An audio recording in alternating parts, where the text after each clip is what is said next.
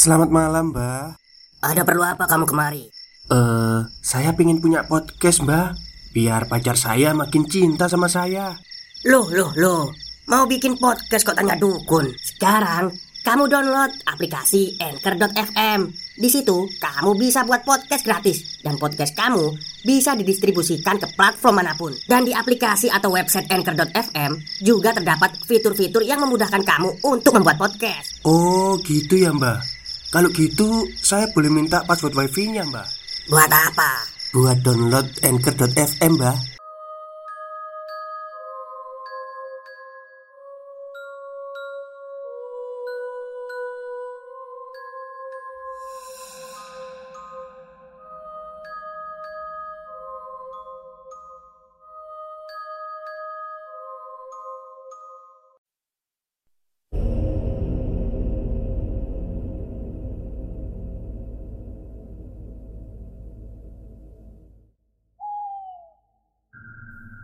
Assalamualaikum warahmatullahi wabarakatuh. Halo semuanya.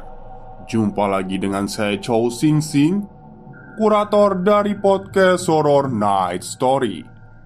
Halo, apa kabar semuanya? Semoga kalian semua baik-baik saja ya. Dan seperti biasanya pada malam hari ini saya kembali Dan akan menghadirkan sebuah kisah mistis untuk kalian semua dan kisah mistis kali ini saya datangkan dari treat horornya Mas Rian yang menceritakan kisah temannya yang dibuat tersesat oleh GPS. Ya kadang-kadang memang GPS itu ngawur ya. Dan di sini tuh uh, di cerita ini ada inisial ya, cuma Y gitu kan. Jadi biar nyaman saya bacanya dan kalian juga nyaman mendengarnya Inisialnya saya ganti Yono ya, bukan Y. Oke, daripada kita berlama-lama Mari kita simak ceritanya. Yono dan keempat temannya merencanakan untuk berlibur ke suatu tempat. Karena Yono dan teman-temannya itu belum tahu rute yang ditempuh Akhirnya mereka memutuskan untuk memakai aplikasi GPS yang ada di ponsel mereka. Kemudian, sebuah perjalanan pun dimulai. Pukul 10 pagi, mereka memulai perjalanan itu. Sejenak, mereka berhenti di sebuah warung untuk secangkir kopi. Lalu, memulai kembali perjalanan mereka setelah kurang lebih 20 menit beristirahat di warung itu. Perlahan namun pasti Mereka mengikuti arah yang GPS tunjukkan. Di waktu yang ditunjukkan oleh GPS itu Hanya berkisar kira-kira 3 jam lagi Mereka sampai di lokasi yang akan dituju. Namun Semakin lama semakin dalam perjalanan mereka menuju suatu desa. Semakin waktu menunjukkan bahwa sudah lebih dari dua jam setengah, mereka belum kunjung sampai. Ada suatu masa ketika salah satu teman Yono sadar bahwa mereka hanya dibawa muter-muter oleh GPS itu. Mereka pun sepakat untuk berhenti di sebuah warung di pedesaan yang mereka singgahi. Mereka nanya-nanya ke pedagang itu. Jawabannya justru mengagetkan. Di sini gak ada yang namanya tempat itu, Dek. Kemudian Yono pun bertanya, "Ini di handphone nunjukin tempatnya ke arah sini. Ini fotonya, Bu." Yono pun menunjukkan potret tempat wisata itu kepada ibu-ibu penjaga warung kopi itu. Waduh, ibu nggak tahu. Bentar ya, ibu nanya ke anak ibu dulu. Siapa tahu dia tahu tempatnya. Kemudian keluarlah seorang perempuan Umurnya kira-kira lebih dari 17 tahun Lalu dia menceritakan Masalah jalan. Tempat ini adanya di dusun D. Nanti mas puter balik aja. Setelah mereka berempat selesai membayar kopi yang mereka pesan Mereka pun sepakat untuk meneruskan perjalanan. Saat itu mereka sampai di Dusun D pada hari yang sudah semakin larut.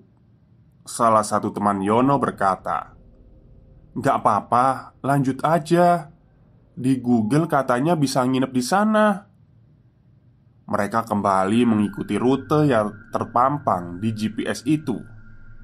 Ya, perjalanan hanya tinggal 20 menit lagi. Mereka akan sampai. Tapi semakin mereka melangsungkan perjalanan, semakin mereka menemukan tempat-tempat pelosok. Mereka semakin dalam menuju ke pedesaan. Pemandangan yang tersisa hanyalah sebuah hamparan sawah lalu masuk ke hutan, lalu kembali lagi ke persawahan.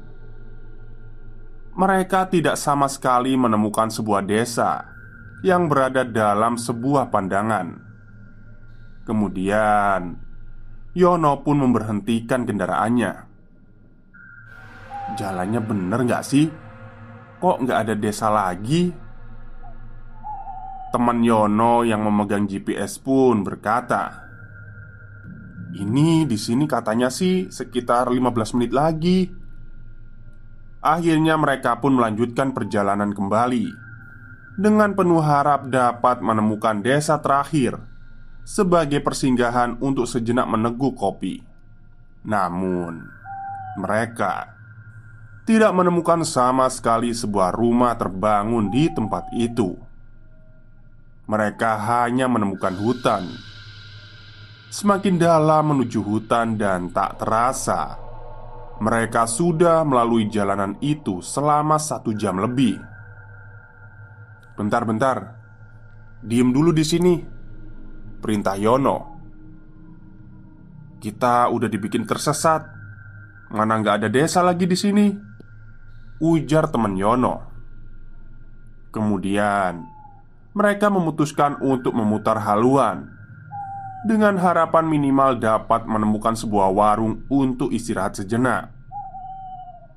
Setelah mereka memutuskan untuk memutarbalikkan kendaraan mereka dan kembali melanjutkan perjalanan, mereka semakin dibuat aneh.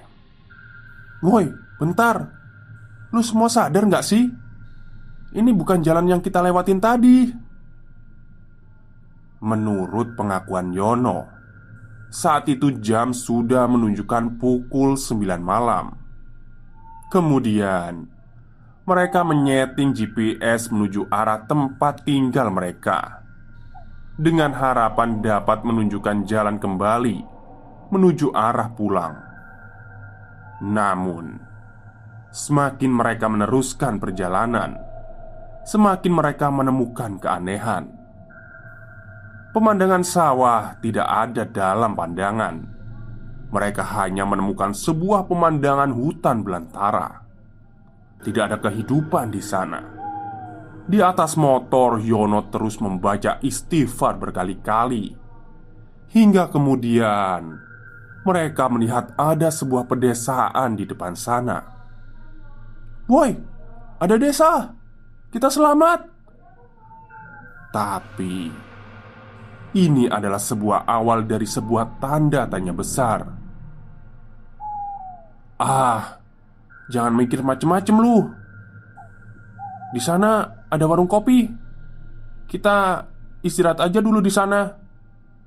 Kata teman Yono. Mereka berempat pun memutuskan beristirahat di warung itu dengan memesan kopi dan mie instan. Bentar cuy, ini ada suara anak ayam. Ganggu banget deh. Gue jadi merinding. Oke. Gue udah pasang earphone. Soalnya Keluar rumah gak berani. Asli. Oke kita lanjut. Penjaga warung kopi itu adalah wanita parubaya. Usianya sekitar kurang lebih 60 tahun. Itu perkiraan, perkiraan teman gue mereka pun bertanya ke si nenek itu Nek, Kalau jalan ke dusun D lewat mana ya? Nenek itu menjawab Istirahat aja dulu di sini dek Kemudian Yono angkat bicara Kami nggak bisa santai-santai nek Harus buru-buru pulang Kemudian nenek itu menunjukkan jalan ke dusun D. Mereka pun melanjutkan perjalanan. Saat hendak membayar apa yang telah mereka pesan, nenek itu menolaknya.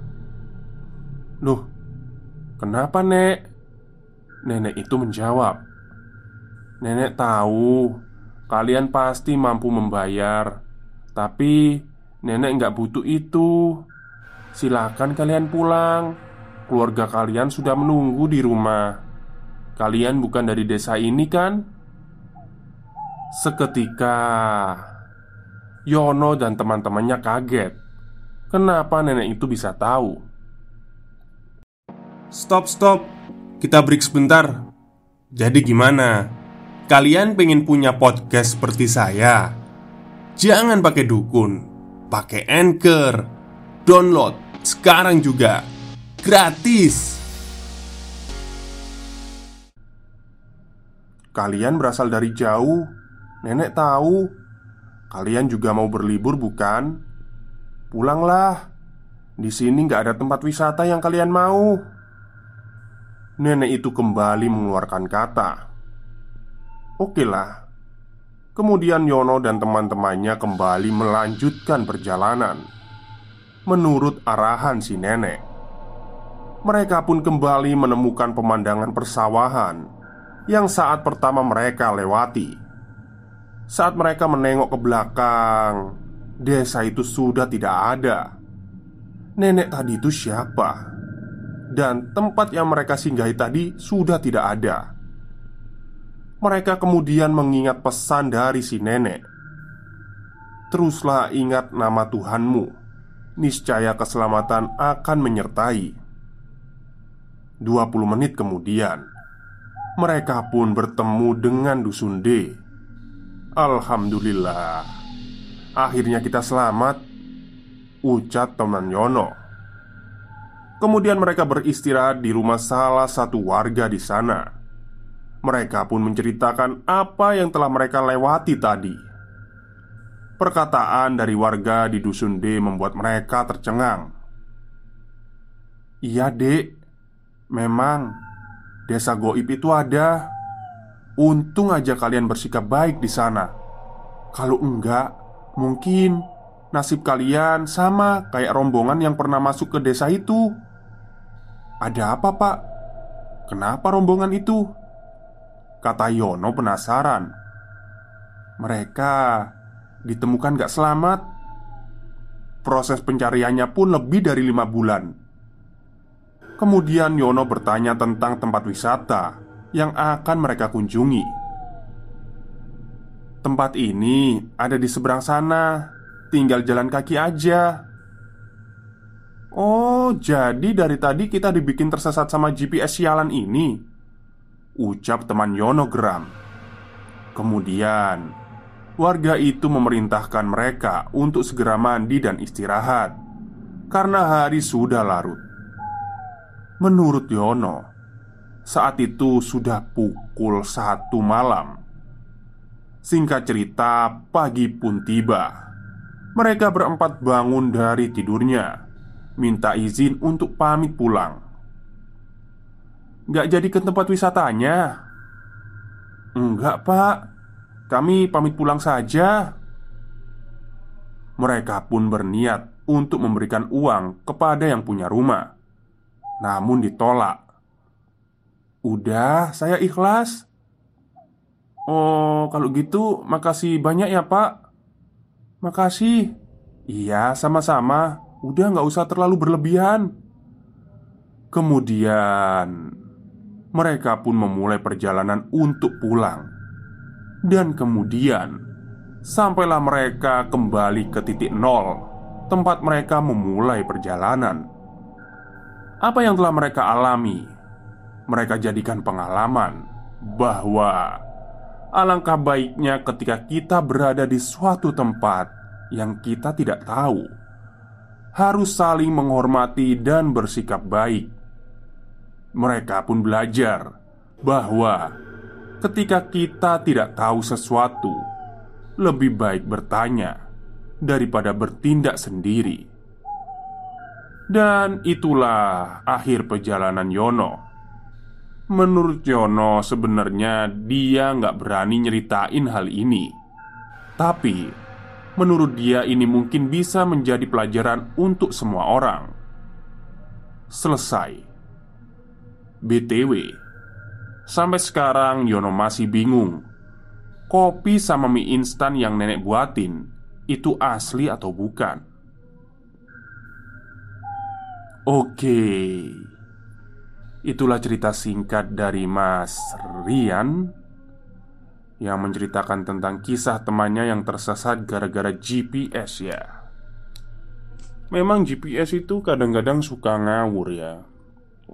Jadi pernah itu suatu ketika uh, teman saya dan saya ya rombongan lah ya tiga orang gitu ya Satunya sepeda motor sendiri Saya dibonceng Mau Bukan liburan ya Lebih tepatnya itu ada urusan lah ya Nolongin teman.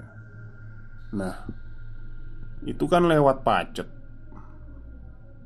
Terus akhirnya nurut sama GPS Nurut sama GPS itu malah diarahin ke jurang gitu. Ya untungnya kita apa ya? Ya untungnya itu hari itu kayak siang ya jadinya cerah gitu. Jadi ya nggak nyemplung Alhamdulillah. Coba itu malam ya nggak tahu lagi. Oke mungkin itu saja cerita untuk malam hari ini. Kurang lebihnya saya mohon maaf. Wassalamualaikum warahmatullahi wabarakatuh